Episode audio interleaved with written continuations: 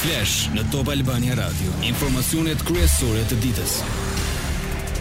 Përshëndetje, këto janë lajmet e orës 16. Përshëndetje.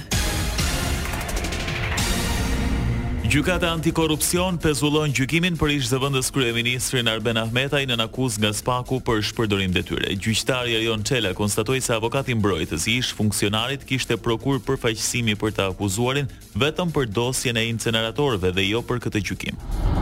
Ndërkohë që rezulton se akuza ndaj Arben Ahmetaj për çështjen e privatizimit të ish-ndërmarrjes shtetërore Buka u ngrit vjeshtën e vitit dy mijë e njëzet e tre dhe për gjykatën neni treqind e pesëdhjetë e dy e ndalon gjykimin në mungesë nëse i dyshuari nuk ka marrë dijeni personalisht Pezullimi i gjykimit me urdhër të gjykatës do të zgjasë një vit.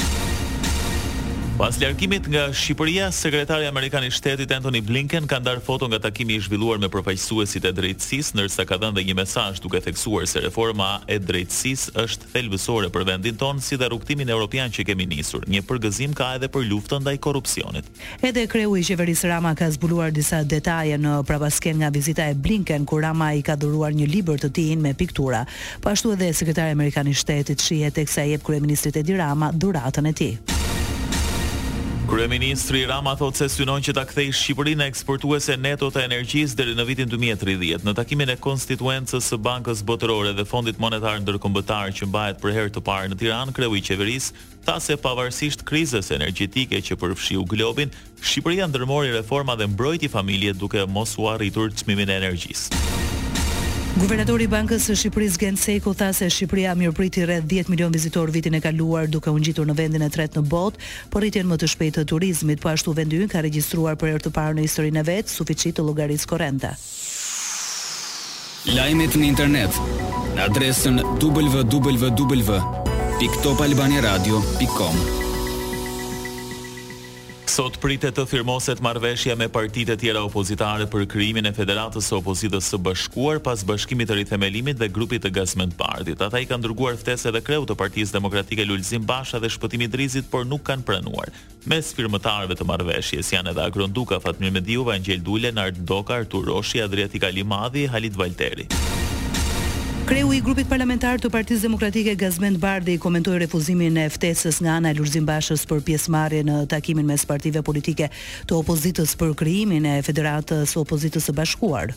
Ka qenë e hapur diskutimi për çdo parti, cilido është i lirë nëse dëshiron t'i bashkohet federatës opozitare. Ka qenë iniciativë e partive aleate që është mbështetur nga Partia Demokratike dhe kanë qenë aleatët.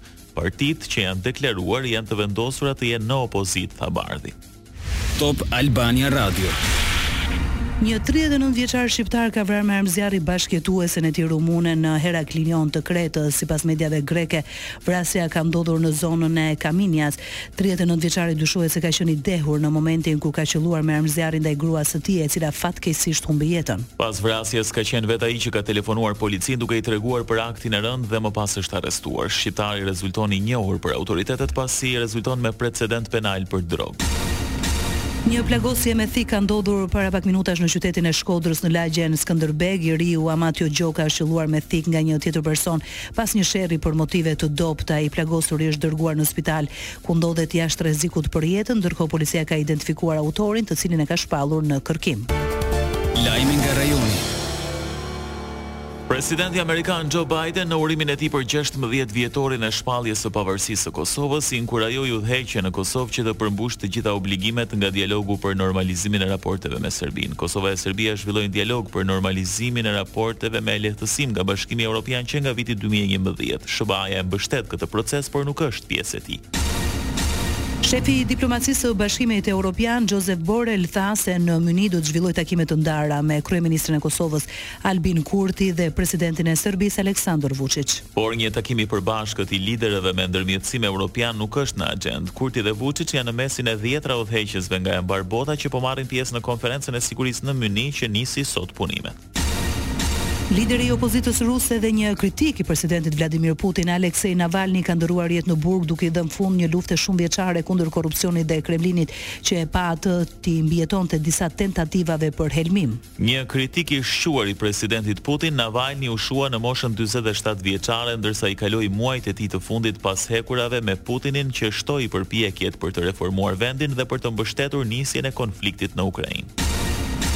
Navalny u bë i njohur si kritiku më i hapur i Kremlinit të Rusisë pasi drejtoi një seri hetimesh kundër korrupsionit ndaj anëtarëve kryesorë të elitës ruse. Ekspozimi i tij në vitin dy mijë e shtatëmbëdhjetë i stilit të jetesës luksoze të Dmitry Medvedev, një ish-president dhe kryeministër, çoi në protesta masive. Po ashtu edhe një hetim mbi një pallat sekret luksoz në bregun e Detit të Zi të Rusisë që supozohet se është në pronësi të Putinit rezultoi në një valë indinjate në të gjithë Rusinë në vitin dy mijë e njëzet e një. Zëdhënësja e Ministrisë së Jashtme ruse Maria Zakharova ka reaguar për herë të parë për vdekjen e liderit opozitar rus Navalny. Ajo reagoi duke hedhur poshtë akuzat se vdekja e Navalnyt është e dyshimtë. Në një deklaratë të postuar në rrjetin Telegram, Zakharova tha se rezultatet mjeko-ligjore për vdekjen e Navalnyt nuk kanë dalë ende, porse Perëndimi i kishte arritur tashmë në përfundimet e veta. Sekretari amerikan i Shtetit Antony Blinken tha se Rusia ishte përgjegjëse për vdekjen në burg të liderit të opozitës ruse Alexei Navalny. Vdekja e tij në një burg rus dhe fiksimi e frika e një njeriu vetëm nënvizon dobësinë dhe kalbjen në zemër të sistemit që Putini ka ndërtuar, tha Blinken në punimet e Konferencës së Sigurisë së Mynihut në Gjermani. Shërbimi i burgjeve ruse tha se lideri i burgosur i opozitës ruse, Alexei Navalny vdiq në rajonin Jamalo-Nenets. Në një deklaratë të publikuar në faqen e tij të internetit, Shërbimi Federal i Qarkut Autonom të Jamalo-Nenets tha se zoti Navalny u ndje keq gjatë një shëtitjeje të premten, humbi vetëdijen dhe më pas ndërroi jetë. Sekretari i Përgjithshëm i Kombeve të Bashkuara, Antonio Guterres do të hapë Konferencën e gjashtëdhjetë të Sigurisë në Mynih. Kjo ngjarje po mbahet në një kohë kritike pasi si SHBA-të po vazhdojnë fushatën për zgjedhjet presidenciale ku ka të ngjarë që sërish të përballet presidenti Joe Biden dhe ish-presidenti Trump. Punimet e konferencës po mbahen edhe në kohën kur në Dhomën e Përfaqësuesve ka ngecur një paketë për ndihmë ushtarake për Ukrainën. Sport. Sot në orën nëntëmbëdhjetë në stadiumin Air Albania do të luhet një nga sfidat më të zjarrta të kampionatit, derbi i kryeqytetit Partizani Tirana. Deri tani dy ekipet kanë zhvilluar një sezon me ulje dhe ngritje, por në Air Albania mbi të gjitha luhet për krenarinë e kryeqytetit. Kjo ndeshje pritet të jetë e hapur dhe ofensive mbasi vihen përballë dy skuadrat që gjuajnë më shumë në portat kundërshtare.